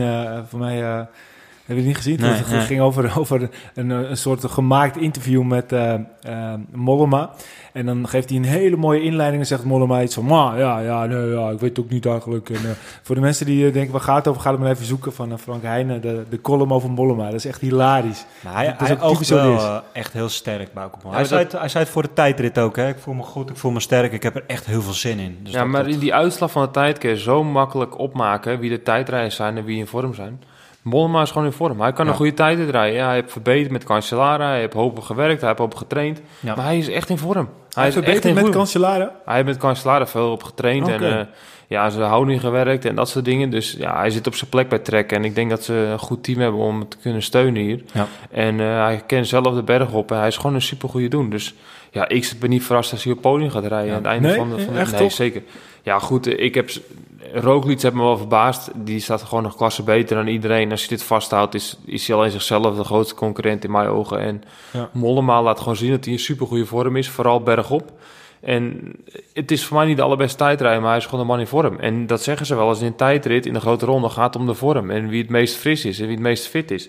En we hebben nu negen dagen gehad met veel regen en slecht weer ik weet hoe het is in slecht weer te rijden. Dat heb gewoon een aanslag op je lichaam. En hij laat gewoon zien dat hij super taai is. En um, dat is ook zo, zo belangrijk in een grote ronde. En eventjes wat anders dan. Want Nibali, Nibali rijdt ook goed. Er wordt uh, nu al flink gesuggereerd dat Nibali straks uh, voor volgend seizoen naar de trek gaat. Zou dat nog een rol kunnen gaan spelen straks? Als, uh, als, als Nibali en, en Mollema daar met z'n tweeën nog eventueel overblijven met Yates misschien samen. Superman Lopez en, en Roglic? Nou, denk ik totaal niet. Nee. Mollema rijdt voor zichzelf. En als Mollema... Nee, dat snap ik. Maar denk je dat, dat het een rol zou kunnen spelen dat uh, eventueel Nibali volgend jaar een teamgenoot is van Mollema? Wil hij hem al wat geven, denk je? Nee. Nee, die wil alles zelf winnen. Maar goed, als het uiteindelijk op aankomt, dan uh, gaat... Uh, kijk, Nibali die, die weet hoe het is om een grote koers te winnen. En die kent pokeren en die gaat gerust als zou je Mollema, Roglic en Nibali met z'n drieën wegrijden bijvoorbeeld... En Mollema valt aan, dan gaat Nibali zeggen tegen Roglic, oh, jij bij dicht. Die gaat niet dichtrijden. En die weet dan op het moment, oké, okay, als ook iets verzwakt, dan valt hij zelf aan en dan valt hij er ook iets aan om naar Mollema toe te gaan. Maar die gaat echt niet in zijn wiel blijven zitten van laat Mollema maar winnen. Nee, nee, dat, nee, dat, en dat, zijn ook hele andere. Kijk, dat is volgend jaar. We leven nu in het nu en ze willen allemaal. Nee, uh, natuurlijk, natuurlijk, dat is ook zo. Dat is ook zo. Dat is ook en zo. vooral Nibali in Italië. Dus dat draait alleen maar om Nibali. Ja, tot en, tot uh, Masnada straks allemaal in het CCC-treintje zit. Ja, precies. maar, maar Nibali daarover gesproken, die, die vind ik ook echt heel sterk ja, ogen. Hij begon goed, goed met de openingstijdrit en hij liet het nu weer in de tijdrit zien dat hij echt wel in orde is. Ja. En uh, ja, ik ben ook heel benieuwd wat hij... Uh, maar om terug te komen op Mollema, ja, laten we eens hopen dat alle puzzelstukjes nu eens een keertje goed vallen. Want in potentie heeft het in het verleden wel laten zien hè, dat hij een hele goede ronde kan rijden. Nou, dat heeft hij al gedaan. Ja, ja zeker ja. Maar nog nooit podium gereden. Dus uh, nou, laten we hopen dat alles eens goed valt. En Dat hij Ja, maar ja, dat po- podium is natuurlijk ook altijd wel erg eh, lastig. Als je gaat kijken, de laatste jaren is dat eigenlijk alleen natuurlijk eh, Dumoulin eigenlijk maar bijna. Ja, maar je, Ja. je, hebt, kijk, je moet goed beseffen dat de laatste jaren deed Team Sky altijd mee voor het podium. Er was altijd één plek weg. En nu gaan ze sowieso in mijn ogen niet meedoen voor het podium. Dus Nee. er is gewoon één extra plek op het podium, maar simpel gezegd. En die is gewoon van Mollema. Ja. En die moet Ja, hij pakken. En eh, Dat zou Hij te gek zijn, toch? hij is de man in vorm. En er komt een super zware week aan. Hulprenners gaan ziek worden met al het slechte regen wat geweest is. Ik heb wel een mooi verhaal nog. Ik heb eh, in criterium een aantal jaar teruggereden toen ik bij de liters hier. Toen was het even in de regen en eh, de putdeksels kwamen wel serieus gewoon omhoog. En ja, ik denk, ja, dit is smerig en allemaal donkere bende uit de put kwam er. En eh, half peloton was ziek. Vrouw peloton, bijna alle vrouwen waren ziek. Hoe kon dat dan? En ze zegt, nou, gegeven moment kwam het ook neer. Er was dus een poepbacterie die in, met rioolwater omhoog kwam. En wij hebben daar gewoon gekoerst in en eh, iedereen was ziek. En dat is dit ook net zo. Ze rijden door, eh, door, door weilanden heen waar eh, de koeien rondlopen en mest. En als het regent, krijg je alles, alles in je gezicht. Ja. Ja, ja. En dan is de jongens die net op het randje zitten, die lopen heel snel iets op. En dan hoe taaier, hoe beter. En kijk, een Nibali en een Mollema, dat zijn gewoon de twee taaiste die in het klassement staan. En Ja. die jonge jongens, die ze hebben altijd iets minder eh, ja, ervaring en, en trainingsarbeid, al dat soort dingen. Dus die worden sneller vatbaar voor een klein virusje. Ja. Kan ook Mollema overkomen, maar goed, Nou ja, die regen, dat gaan we nog uh, en als je de tijdverschillen nu ziet en, en het rijtje bekijkt van de toppers, dan staat hij er ook zo goed voor. Dus Ja. eigenlijk zou ook moeten, dit is gewoon zijn kans op dit moment. Het is zeker zijn kans voor het, voor het podium. Want er waren Ja. natuurlijk in de, in de tijd ook een paar eh, jongens die eigenlijk toch, ja, toch wat tegenvielen. Ten eerste instantie Yates. Eh, die zakte er helemaal doorheen. Ja, Eh, echt een off day. Ja, echt een nou, off day. als dit zijn enige is, dan kan het alleen maar beloven voor, het, voor de toekomst. Dan is het nog steeds een gevaarlijke klant. Ja. En eigenlijk iemand anders die, normaal gesproken hadden we daar niet heel raar naar gekeken. Dat Superman Lopez eh, dit zoveel tijd verloor. Maar na zijn hele goede proloog, eh de begintijdrit, ehm, ja, hadden we daar toch wel ook iets meer van verwacht. Ja, en uit het begin heeft hij een, eh, een lekke band gehad, in het begin van de tijdrit. Maar dat is natuurlijk niet de reden waarom hij eh, dik 330, 335 Ja. geloof ik, verliest op, eh op Roglic. Dus dat, dat, dat mag niet, niet de reden zijn. Kijk, dat, dat, dat kan Peter natuurlijk veel beter uitleggen. Maar een lekke band, ja, je verwisselt je band, je gaat zitten. Tuurlijk moet je even zoeken naar je ritme. Maar dat mag natuurlijk nooit zo lang duren. Je zit zo in de focus volgens mij. Nou, Ja, je gaat vaak, eh, als je lekker rijdt, dan eh, die jongens hebben allemaal de tweede reservefiets. Dus die pakken de fiets en dan verliezen ze misschien 20, 30 seconden. Maar goed, laat, wat ik net aangaf, het is ook vorm van de dag. En het is eh, dat soort jongens. Kijk, van Lopez snap ik wel dat het niet een goede tijd rijdt, want die hebben er nooit echt een megatijd gereden. Maar, Maar ja, de Yates, proloog. Ja, proloog is eh 5 kilometer, 6 Ja, nee, kilometer. oké, dat, maar is, dat is eigenlijk geen tijdrit. En Maar goed. klimmen ook in de proloog. Dat was natuurlijk Maar zijn, dat, eh, is, die, dat stelt echt gewoon teleur. En ja, goed, die, eh, die moet gaan aanvallen nu. En dat wordt wel spannend wat er gaat gebeuren. Maar Ja. ik denk dat die gewoon, wat ik net zeg, die heeft zijn topvorm niet. Die is gewoon, gewoon uit vorm. En dat hebben we andere dagen ook gezien. Uh, finish bergop, moet hij altijd gewoon met Carap Carapaz had hij gewoon mee moeten gaan. Ja. Oh, ik En hoop dat dat je gelijk hebt. Nou, hij is gewoon uit vorm. En hij, ik hoop dat hij laatste week nog wat kan laten zien. Hij zat En- toen wel in die valpartij, hè, Yates, erachter. Dus hij, kon niet, hij zat niet al in dat eerste groepje toen. Maar ik snap wat je bedoelt. eh, hij is niet zo dominant als hij dat eh, vorig jaar was in het begin van de Giro. Nee, goed. En dat zal ook wel meekrijgen natuurlijk dat nou weer niet lukt. Dat gaat allemaal in je kop zitten. Maar ja, ja hij is gewoon niet in vorm. En eh, je ziet andere jongens als uh, Cartney. Die gaat gewoon de witte trui winnen in deze Giro. En Ja? die rijdt gewoon top. Lopez komt niet terug. Nee, nooit. Maar ik denk gewoon dat Cartney die laat zien, wordt achtste in de tijdrit. Die jongen die ziet er helemaal niet uit als een tijdrijder. En die gaat gewoon zo harde berg op en die vliegt, vliegt wordt achtste. En die gaat gewoon hier uh, top 10 rijden in de Giro en dan pakt hij de witte trui. Ja. En dat is echt, wat zie je zo goed, dat, wat, wat, een, wat een vorm kan doen met een tijdrit. En dan zie je Bilbao, die wordt Ja. ook top 10. Dat is niet een top tijdrijder. Dat is gewoon een jongen die super goede vorm verkeert. En die gaat ook top 10 rijden in het klassement. Ja, en die Ik zit er ook nog steeds bij, hè? Ja, Die ik denk bij. alleen dat voor Jumbo eh, het, het, het kan goed uitpakken en het kan ook heel eh, verkeerd voor ze uitpakken. Kijk, het positieve is natuurlijk, Roglic heeft nu natuurlijk echt een grote voorsprong. Dus hij is volgens mij best relaxed op dit moment, omdat hij er zo goed voor staat. Het nadeel is, ik vind de ploeg Jumbo met het wegvallen van de plus, Ja. voor de Giro het wegvallen van Geesink. Ik vind Jumbo bergop echt wel heel kwetsbaar geworden. En ja, we hopen dat, dat Van Emden er lang blij blijft. De situatie nu is natuurlijk, de verschillen zijn zo groot. Dat Lopez, die, die- dat is een springveer, die gaat overal springen. Yates, die, die houdt er ook wel van om, om aan te vallen. Nibali is van het aanvallen Ik ben benieuwd of Jumbo dat kan ja, maar ze moeten, het, ze moeten het wel kunnen sowieso natuurlijk. Kijk, Ja. eh, ze moeten het controleren, maar Yates die, die, die eh, gaat niet eh, zomaar blijven springen. Dat heeft hij ook wel Klopt. geleerd van vorig jaar. ja, maar, Maar ze ik- moeten, hè? Ze moeten. Ze, gaan ze moeten, maar ik denk dat ze wel zullen wachten tot een- het eind van een, een klim. En daar zullen gaan. En dan zal Roglic dat wel de meeste keren kunnen dichtrijden. Alleen het is natuurlijk gewoon verdomd jammer dat Ja. de plus wegvalt. Ja. En hij zal, Dus een pak de- moeten, hij zal een pa- zullen pakjes moeten, moeten gaan, eh, gaan, Nou, gaan smeden. volgens mij eh, is beschikbaar, of niet? Ja, maar weet je wat ik gewoon denk? Dat, uh, dat Roglic, wat hij heeft laten zien afgelopen eh, maanden en afgelopen jaar ook, dat hij gewoon een finale kan rijden ook. Hij kan ook supergoed versnellen op een klim. Hij heeft in de UAE Tour, de- laat hij op die dam, laat hij gewoon zien dat hij gewoon bij de beste punches hoort. Hij kan en tijd rijden en hij kan een goede sprintberg op Klopt. doen. Dus als er een renner wegrijdt, stel je voor Lopez rijdt weg. Gaat Roglic, die springt erachteraan, is de enige die kan volgen. En als Roglic dan gewoon de kop neemt en die gaat gewoon tempo rijden, dan zie je ze niet maar meer dat kan hij terug. niet elke dag doen natuurlijk. Nee, maar dan, als hij dan twee, drie minuten weer pakt op Nibali, dan kan hij ook een keertje laten rijden. Ja. Dan gaat het dat gaat niet gebeuren. Nee. Maar het is natuurlijk wel een aderlating dat de plus weg is. Dat, dat, dat staat vast. Dat is gewoon doodzonde. Maar ja, goed. eh, eigenlijk heeft, eh, is het ook wel weer slim gedaan. Want op het moment Ja. dat de plus bijna aansloot in die etappe... Ja. Gingen ze volle bak rijden. Eh, de concurrentie van, eh, van, eh, van Jumbo-Visma. En daardoor moest hij dus weer lossen. En ja, heeft hij uiteindelijk ook opgegeven. Dus dat zegt ook Ja. wel weer genoeg hoe de andere renners eigenlijk... Ze rijden meer tegen Jumbo-Visma. En wat ik wel dat vind, op het moment als je het niet gunt dat de andere wint... dan win je zelf ook niet. Nee. Dus dat, dat zal ook misschien wel die ploeg weer op kunnen Ja. gaan breken. En het voordeel misschien wel voor Jumbo kan zijn, is dat, dat, dat andere ploegen willen nu de koers gaan dragen. Astana, die heeft een ijzersterk team. Die zullen misschien de koers gaan dragen, omdat ze Lopez toch wel eh, hoger in het klassement willen krijgen. Of etappenzegers willen pakken. Ja, maar, maar wie dat- zegt dat ze voor Lopez blijven gaan als Bilbao zo goed in vorm Nee, is? dat, be- dat bedoel ik te zeggen. Dat, dat, dat, dat, dat, dat ze misschien voor etappenzegers ook gaan. Want ze hebben natuurlijk heel veel eh ijzer in het vuur. Dus Maar hoe Dat- dicht staat Bilbao nu in het klassement? Mee? Als hij, als hij nu al, al, al wat Peter zegt, hij hij, staat hij op twee of drie minuten. Van, hij, wordt, hij eh, wordt top 10 in, eh, in die tijdrit. Eh, ik bedoel, Hij staat op 3 minuten 32, tiende staat hij.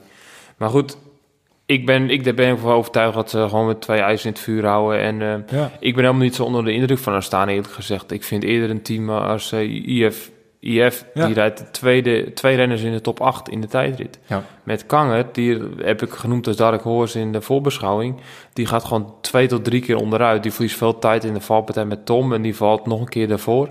Die rijdt hier gewoon top 5 in de tijdrit. Die jongen die is gewoon super sterk. En dat laat I, met Juve Cartney laat ze ook zien dat ze super goed zijn. ja, en, En IF dan- heeft natuurlijk gewoon echt een goede ontwikkeling doorgemaakt. Ja, en dan Astana, die stelde gewoon teleur met één renner in de top 10. Die wordt gewoon tiende, is de eerste beste renner. En dan Ja. rijdt Ion Izanguirre rijdt nog snellere tijd dan Lopez. En ja, ik denk dat Astana is niet zo goed meer als wat ze in het voorjaar waren. Maar goed, laat ze maar verrassen en laat ze maar aanvallen. Vinokourov Maar, uh, die zegt dat er uh, oorlog komt. Eh, ja. ik hoop het. Ja, dat is het mooie ook van deze situatie. Hè. Kijk, het is uh, totaal geen uh, Sky of Ineos uh, situatie dat heel gesloten is. En er moet gekoers worden. Er gaat, er gaat aangevallen worden. De, de, de koers is open. Er is één keer staat te tikken aan de leiding en iedereen moet aanvallen. Hoe mooi is dat? Voor de neutrale kijker gaat er volgens mij fantastische etappes aankomen. Ik denk dat Roglic uh, nog even blij is met de, trui, de trui die niet om zijn schouders heb. En dan, uh, ik denk Ja. dat Conti zomaar eens heel lang in het podium blijft hangen. En dat hij pas in de laatste tijd dit, dat gaat verliezen. Beetje à Zo lang denk je, Conti? Nou, niet de trui, maar ik bedoel het podium. Dus uh, ja, goed, die jongen die kan zo berg oprijden. Ik weet ja. nog, ik zag hem in die rit met Carapaz, zag ik hem al dat hij uh, in de top mee zat. Dat hij gewoon uh, sneller was dan Lucie, geloof ik. Of net niet.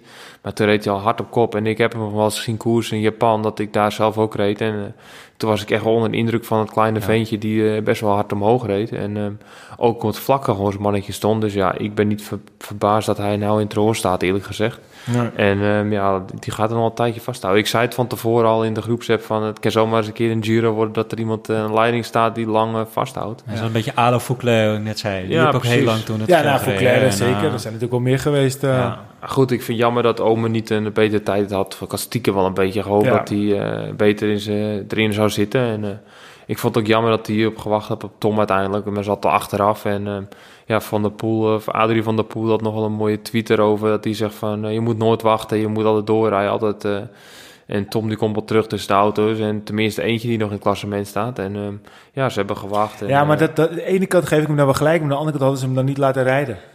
Nee. Ja, maar goed, ze kiezen echt gewoon puur voor Tom te gaan. Maar ik denk wel dat ze Oma gewoon altijd door moeten rijden en uh, schadekopman. Want Ja, nee, dit kan gebeuren. Tuurlijk, maar dan had, had, had de Ome nooit 4, 5 minuten gekregen die, die, eh, die, die, die, die dag erna of die twee dagen ja, maar dan weet je ook niet wat er gebeurt.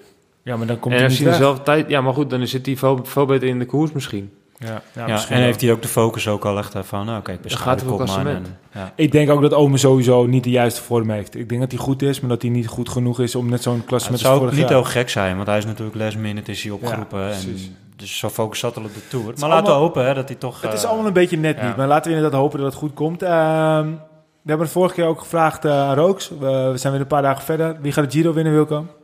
Nou, op dit moment Roglic. Peter? Ja, ik zei Tom, toch? ja, dit gaat niet meer worden. Nee, ik, ehm, ik hoop er ook iets. En ehm, ik denk dat het nog wel spannend gaat worden met eh Nibali en ehm, Mollema. Ik eh, denk dat 3-3 voor het podium gaan. En wie er op de eerste plek staan, eh, ik denk toch wel Roglic. Maar eh, ja, ik hoop ook wel dat het een keer een stuiveltje wisselen wordt. Dat een keer iemand een superdag hebt die roos pakt en een Ja. dag erna Roglic. Want Ja. het moet wel een mooie Giro worden. Het is wel mooi, want eh, wij kijken natuurlijk al het wielrennen. En ehm, we hadden op een gegeven moment ook een Instagram-postje. en dan hadden we al die eh, icoontjes bijgezet wie er zou gaan winnen. En eh, mijn vrouw had toen eh, een haai ingevuld. Dus het zal wat zijn als ik straks eh, met al mijn wielrennen kijk. eh, ze kijkt nooit. Ze kijkt wel eens mee. eh, dat uh, Roglic ook niet wint. En dat zij dan gelijk heeft eh, en vooraf de juiste winnaar voorspeld. Dus laten we dat maar niet doen. Dus Nibali, Nibali hoeft niet te winnen. Nee, zeker niet. Hij laat wel op op Mollema, maar ik denk, eh denk dat Roglic. Ja, precies. Ja. Ehm, even nog, eh, jij, jij hebt ook natuurlijk wel eens eh, eh, de Baby Giro gereden. Is dat eigenlijk een beetje te vergelijken met, eh, met, de met de Giro? Ja, klopt. Ik heb wel, ik heb twee keer, drie keer in Italië gekoerst. En de eerste keer was EK en toen was ik met Tom Dumoulin, sliep op de kamer. En toen reden we het EK tijdrijden. En ja, toen stonden allemaal tussen de toppers die nu zo ook meedoen in de, in de Giro. En ja, daarna mocht ik een proef aan voor, het- voor het eerst voor mij een grote ronde. En toen deed ik de Baby Giro, dus dat is een ronde voor eh, renners onder 23. En in Italië hebben ze een beetje, ja, een beetje lak aan de regel en doet gewoon iedereen mee eigenlijk. Maar dan is, blijft het een beetje belofte koers voor eh Continental Teams. En het is eh, een koers waar heel veel spookverhalen over zijn in het verleden. Dat de teams zomaar weggaan als er een dopencontrole is en dat soort dingen. Maar eh, ja, wij stonden daar een start met eh, ja, een mooie Nederlandse team. En eh, Jesper Asserman van Roompot en Mike Teunissen zat in bij ons in de ploeg. En Wouter Wippert en nog een paar jongens. Elmar Reinders zat erin. En allemaal jongens die nu op beroepsrenner zijn. Ik denk alleen Sjoerd Kouwhoven niet. En eh, ja, we hebben daar gewoon super mooie ronde gehad. En jongens als Fabio Aru en Catano, die nou tiende staat. En allemaal goede jongens in het klassement die daar ook gewoon rondreden. En ja, we hebben etappes gehad die zwaarder waren die, eh, dat ze nu doen die in de Giro. En we hebben, ik, ik zal nooit meer vergeten, de zwaarste rit die ik ooit heb gereden was in de Baby Giro. We reden een rit van eh, bijna 160 kilometer met 5.500 hoogtemeters. Met fin, finish bovenop de Gavia. En ehm, ja, als ik dat nu zie in het rondeboek, en dat hun daar ook overheen gaan, dan... eh wij hadden vijf keer zo'n grote klim en nu hebben we er maar drie. Was, was dat toen Vijf met keer. sneeuw of zonder sneeuw? Ja, was zonder, er lag wel sneeuw, maar niet zoveel sneeuw als er nu ligt. Maar- Denk je dat hij nog trouwens, even, even, even een, eh, even een eh, sideway, gaat hij denk je nog die etappe, gaan ze finishen daar op Gavia? Ja, ja, ja. Nee, ze gaan niet finishen, ze gaan eroverheen. Ja, maar gaan ze eroverheen bedoel Ja, ik denk het wel. Ik hoop het wel. Anders wordt het toch twee keer de Mortirolo, dat ze daar... niet eh, verkeerd. Nee, je moet gewoon Nee, nee. eroverheen. Over Maar, wie won toen die Baby Giro? Eh, Dombrowski. Oh, Dombrovski. Ja, en toen ging hij naar eh, Sky voor, eh, voor, geloof ik, naar verluid voor een miljoen per jaar. En eh, toen het tweede was Fabio Aru. En ik zal nooit meer vergeten, het was een beetje de Italianen tegen de Amerikanen en de Nederlanders. Dus wij reden een beetje samen en alle Italianen reden samen. Die hingen met 20 man aan de motor, bij wijze van. En ehm, hij stond aan de start van voor de koningin dit, voor die echt finish boven de cavia. En eh, hij krijgt een microfoon onder zijn neus en ze zegt gewoon van, eh, wat ga je vandaag doen? Hij zegt, niemand gaat me volgen vandaag. Wie zei dat? Het, nee, dat zei Dobrovski. En al die Italianen werden helemaal gek. Maar op dat moment zag ik die killer. En die killer s- la- liet gewoon zien en zegt, ja, ik ben de beste hier, eh, niemand gaat me Maar dat is hij wel een beetje verloren, toch? En dat is hij verloren. Dus ik ben nog steeds eh, ik stiekem fan, omdat ik dat daar toe gezien heb. En eh, ja, ik weet nog dat Zakharine daar als een beest tekeer ging. En die moest er gewoon gigantisch af. Die Bizar. moest echt hard lossen. Bizar. En zo rij je nog. ik had laatst dus, tussen de uitslag te scrollen. Ik geloof dat iets van 25 renners die daar reden, nu de Giro rijden. En ehm, ja, ik geloof dat de 60 renners van, die, van het peloton nu prof zijn geworden. En. Ja, was wat, wat, wat, wat, wat was je beste uitslag daar? Oh, ik weet niet. Ik heb, ik heb zo afgezien. dat is niet normaal. Ik ben wel eens een keer op een 50 minuten achterstand boven op de Gavia binnengekomen, Zo. geloof ik. Het was niet normaal. Geen tijdslimiet daar. Nou ja, wel tijdslimiet, maar het, de, de winnaar had geloof ik 5,5 uur en ik had eh, 6,5 uur of zo. Ja, ja, ja. Nou, dat was echt bizar. Echt eh super mooi koers hoor. Want ja, voor mij was dat de eerste keer dat ik echt een lange rit deed. En de laatste paar dagen voelde ik me nog super goed. En ik snapte niet waarom ik niet moe werd en anderen wel. Die lagen gewoon te slapen in de bus terug naar het hotel. En toen zei mijn coach van... P, jij bent zo goed in, eh, in, in het herstel. En dat ga je nog zoveel lol van hebben in je, in je carrière. En ja, dat heb ik nog een keer gemerkt in de Vuelta. Ik heb al eens gezegd dat mijn laatste, beste 20 minuten ooit in de, de laatste dag van de Vuelta was. Of de ene laatste dag. En eh, nu heb ik mijn record wel verbroken in Turkije dan. Maar ja, sindsdien... eh, ik herstel gewoon heel goed aan het einde van de ronde. En ja, goed, dat is nu ook heel belangrijk. En ik weet hoe belangrijk herstel is. En ja, dat gaan we zien de- deze Giro. Deze Giro ook. Ja. Nou, we moeten het weer Ja. zien. We gaan er de komende dagen van genieten. Vandaag was natuurlijk een rustdag. En eh, nou ja, goed, eh, de, de, de, de dag dat er heel veel mensen deze podcast geluisterd, is de Giro weer eh, verder gegaan. Er was ook met de andere koers nog. De time flies bij, dus we nemen het nog eventjes kort door. Tour of California. Ja, wat ook wel weer een Nederlands succes, hè. Gewoon twee etappes met Jacobsen en, en Bol. Ja. Ehm, het is toch ook, het gaat maar door, hè. Ongekend. Echt ongekend. En, en hij werd weer Walscheid genoemd door de commentatorenbol. Ja. Ze, lijken ze nou echt zoveel op elkaar dat, eh, dat die commentatoren dat niet... eh, of verwachten ze gewoon niet dat Bol zo goed kan sprinten dan? Nou, dat denk ik eerder. Hij heeft me nooit laten zien op Bulten dat hij Marsprint kan winnen. hè. En, nou ja, eh, dit jaar natuurlijk. Ja, maar niet op Wilterniveau. Dit Nee, is de eerste ja. En ehm Nokere koers is toch net even iets anders nog dan dit. En Nokere is even meer punches. En dat heb Kees in mijn optiek altijd meer gehad dan een echte massasprint. Dus ik was ook wel een beetje verbaasd toen ik hem zag. Maar Walset is nog twee koppen groter en twee eh, schouders breedte. Ja. Die is echt een beest. Nou, misschien komt het ook om, als je bijvoorbeeld, eh, nou, Wielerflits bijvoorbeeld, die geeft ook altijd sterretjes of zo. En daar staat Walscheid staat er dan bij als, als een van de mannen die je verwacht aan Ja. een sprint. En dan, en dan is het niet Walscheid, dan is het Bol. Ja. Dus misschien komt het ook daardoor wel dat ze hem Walscheid noemen, omdat Ja. ze Walscheid verwachten en niet Ja, maar als je het niet weet, zeg het dan gewoon niet. Nee, maar ja, goed, ja, gewoon- weet, ik, eh, vind het echt, eh, ik vind het echt, Ja. echt bullshit, eerlijk gezegd. Ik hoop niet dat wij te veel fouten hebben gemaakt deze podcast, want dan krijgen we hem drie keer zwart terug. Nee, maar goed, ik, ik vind niet dat... eh Kees is gewoon een renner die eh rekening mee gehouden moet worden, vanaf, vooral vanaf nu. Als je zaak kan kloppen en die jongens in de marssprint, dan eh, doe je mee en dan ben je gewoon een eh, sprinter. En eh, hij is nou van een klassieke renner naar sprinter in één Ja. keer. Ja. En eh, daar gaan we heel veel van zien nog in de Hij heeft toekomst. al twee prachtige overwinningen geboekt. Dus ja, sowieso al een succesverhaal. En dan succes zie je maar weer. jongen. Andermaal hoe belangrijk eh, talentenontwikkeling is. Hè? En bij de tweede renner voor SEG, die eh, zijn twee SEG Racing renners die naar de beroepsrenners zijn gegaan. Fabi Jacobs en Kees Bol. En allebei winnen ze nou een rit in de Californië. Dus het laat echt zien hoe belangrijk die opleiding is. Ja. ja, en natuurlijk eh, bij, bij rijdt natuurlijk ook nog een Nederlander rond die ook die stap heeft gemaakt. Ja, klopt. eh Julius van der Berg. Ja, dus eh, dat, dat is, ook niet, is ook natuurlijk niet de minste. Maar, nee, maar ook Koen Bouwman. Koen Bouwman, ja. En zo zijn er nog een hele handvol jongens die eh, de, de, de Ja. stap hebben gemaakt. Ja, ook over Jacobsen gesproken. We vinden het eigenlijk wel normaal dat hij een etappe wint. Maar het is toch eigenlijk ook wel... Hij, hij pakt daar even goed alweer grote namen. En dat is toch wel een straf, hè? Ja. Ja, het bijzondere is van, van ja, we hebben het altijd natuurlijk over groene wegen, maar ik heb het idee dat we er he- helemaal niet bij stilstaan dat er bij Quickstep of bij de Koning Quick eh, zo'n grote, zo'n grote Nederlandse sprinter rondrijdt. Ja, maar hij is nog een coming man. Hij zit een beetje nu waar de, waar de Groenewegen twee jaar geleden zat. Ja. Die kan nog veel beter worden. En eh, die gaat zich zeker wel ontwikkelen. Zal hij misschien naartoe gaan rijden? Nee, nee. nee. Ze gaan gewoon met Viviane naartoe Ja? ook, denk ik. Ja. Ja. En ja, ze, zal wel, ze gaan ook met Alaphilippe natuurlijk heen om eh, gewoon Ja. een Franse renner. Maar eh, ze gaan Zou daar, zou de Tour gaan dit jaar? Ah, Dat mis- is wel de planning volgens mij. Dat, Ja? eh, ja. je weet het niet, hè. Of Eh, zou die weer de Vuelta rijden? Ja, ik denk dat wel dat hij de Tour wel te gaat doen, maar je weet het natuurlijk niet. En ehm, ze kunnen alle kanten op. En ik denk dat er wel een aantal mooie ritten zijn voor alle verliep. En ehm, daar gaan ze voor. En ze gaan weer rit, ritsucces met Viviani. En eh, Ja. ze sturen een goede dat heen. En ze gaan een beetje proberen een paar ritten te kapen. Maar ze hebben niet een absolute kopman op een klassementgebied. En dan gaan ze er ook niet voor rijden. Misschien Ja. gaat de jongens, jongens weer mee. En rijdt er nu een beetje als dark horse in de ronde Ja. in de Giro. ja, dat is niet echt op de eh, voorgrond. nee. Nou goed, ik vind wel dat hij een supergoeie tijd heeft gereden. Of tenminste, supergoed. Heeft gewoon een goede, degelijke tijd gereden voor hem. En eh, ja, ik denk wel dat hij naar de laatste week toe groeit. En eh, goed, ik denk dat hij ook zeker naar de Tour zal gaan. En Ja. Ik vind de Jacobs, om terug te komen op de jonge jongens, geweldig. En ik hoop dat hij een keer de, de Vuelta gaat rijden nog. En daar misschien de twee of drie ritten kan winnen. Dat zou toch wel vet zijn, hè? dan tot, doe je mee. Tot nu toe wat hij rijdt, hij laat zich altijd zien. Dus ja. hij past zich heel goed aan. Ook hij, aan hij is aan- misschien aan nog niet zo heel steady, want de ene dag is hij supergoed en de andere dag dan, dan, dan zit hij er niet bij. Dat is Nee. niet erg, want misschien is hij, doet hij dat wel, wel goed. Ehm toen ik ervoor wat me verder nog opviel, het was ook een mooie winnaar, die Garcia Cortina.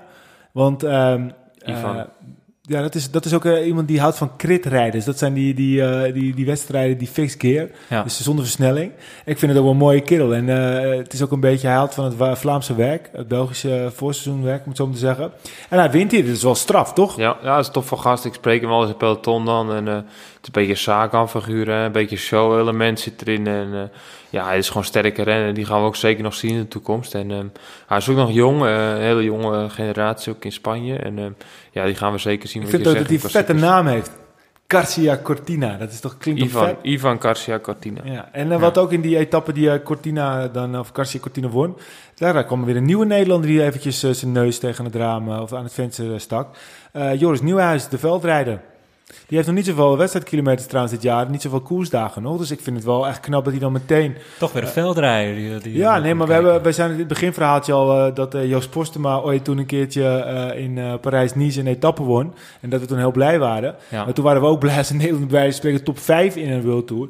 En zo'n jongen als dit, die wordt gewoon eventjes vierde daar in zo'n in, in Ja, wedstrijd. Met een groot, goed deelnemersveld. Ik vind dat toch best wel knap. Ja, zeker. Het is heel knap. Hij laat gewoon zien dat hij supergoed eh ja, ook die overstap maakt naar de weg. En eh, hij positioneert zich gewoon supergoed en hij is niet bang. En dat heb ik al vaker gezegd. Die crossers die kunnen zo goed de plek kiezen in het peloton. En dat is zo belangrijk tegenwoordig. En ja, hij plaatst zich goed en eh, laat gelijk zien dat hij meedoet.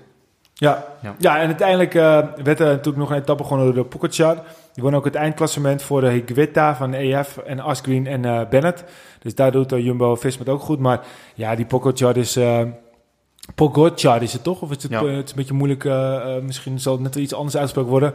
Maar dat, eh, dat is natuurlijk een, een van de grootste talenten die op dit moment eh, Ja, rondrijdt. Zeker iemand die we echt in de gaten moeten blijven houden. Ja. En weer een Sloveen, hè? Weer een Sloveen, ja. Tja, zomaar is daar een vat opengetrokken met, eh met, met Roglic natuurlijk als absolute kopman, maar ook die Pogacar die er nu aankomt.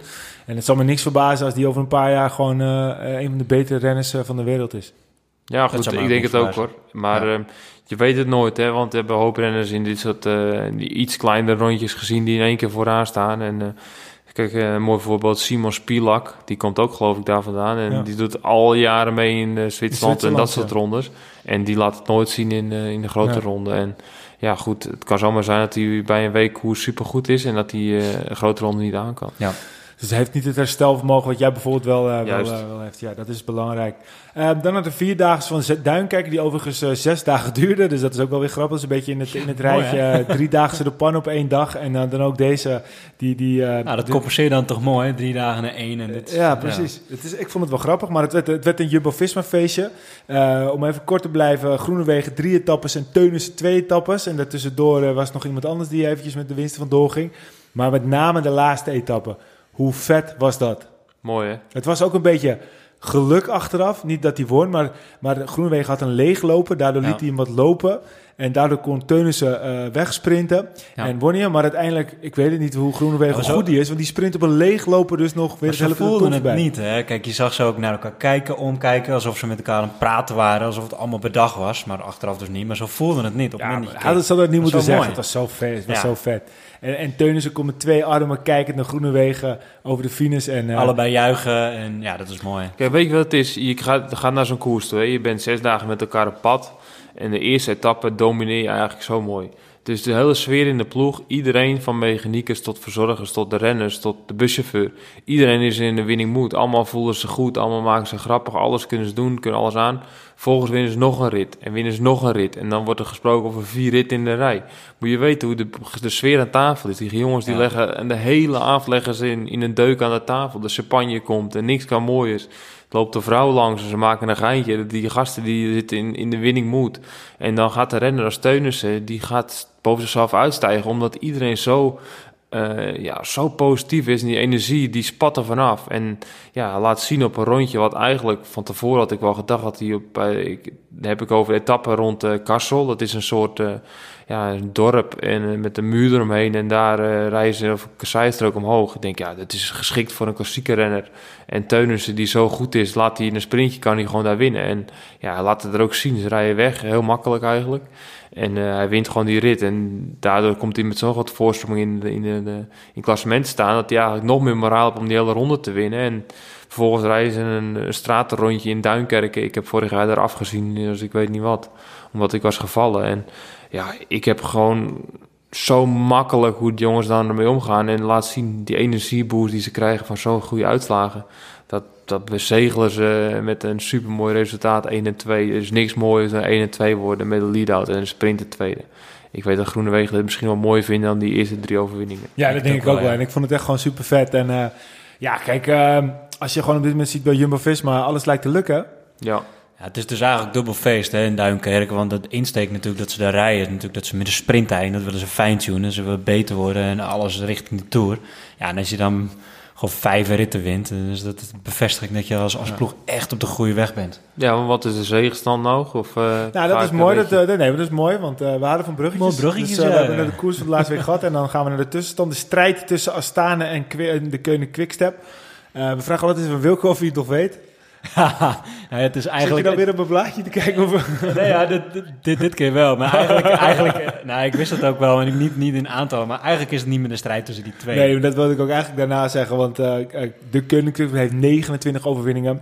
En uh, Astana heeft er 24. Daarna Bora met 23. Jumbo-Visma, die is natuurlijk gigantisch opgekomen. Die ja. staat nu ook op 21, wat natuurlijk een bizar aantal is. Mitchelton Scott met 17. UAE met 14. En Androni Giotoli Seidemek met 14. En ik heb ook even het nieuws toegevoegd. En dat is de renner met de meeste overwinningen. En dan vraag ik even Peter. Die heeft ook een blaadje, dus die kan het ook wel zien. het is jammer, jongens. Ik had niet zoveel keer die blaadjes moeten uitprinten. Maar... Ja, of, of dat gewoon niet opzetten. Dat kan je nee, dat is, waar, dat is waar. Dat is waar. Maar de Roglic uh, en Alaphilippe, dat zijn de renners uh, samen met Groenewegen... die de meeste overwinningen hebben dit jaar. En dat zijn er negen. Dus dat, dat betekent uh, inderdaad wat jij al steeds, steeds zegt, Wilco, dat Roglic en Groenewegen hebben er samen 18 van alle overwinningen van Jumbo-Visma. En dit was pas de eerste overwinning van een uh, renner van ja. Jumbo-Visma die niet uh, Roglic of Groenewegen heet. En dat was de Teunis en die Mooi pakte wel meteen drie. Ja. Dus er zijn dus uh, drie renners bij Lotte Visma of bij Jumbo-Visma die ja. iets gewonnen hebben. Ja, ja. de rest heeft nog niks bizar. gewonnen. Ja, en, en, en, en tot vorige week waren er nog maar twee renners. Ja, en, en dat blijft lopen denk ik ook zo. Want in het Giro, als er etappes gewoon... Ik zie niet een ander van Jumbo een etappe pakken... omdat ze allemaal voor, uh, voor Roglic rijden. Ja. Nou ja, nee, nee, zeker niet. Kijk, uh, wat, wat wel had nog gekund... is dat bijvoorbeeld Bennett een etappe had kunnen winnen... in Tour of California. Dus ja. dat was dan een renner die nog wel iets had kunnen doen daar. Ja. Maar ja, het is gewoon bizar. En het, uh, het is ook wel, het laat ook wel zien hoe, hoe sterk teams ze zijn. Het betekent niet dat de rest slecht is... maar ze rijden gewoon... ze hebben gewoon duidelijke kopman... en daar rijden ze voor. Duidelijke doelen en pakken goed uit. Ja. Ja.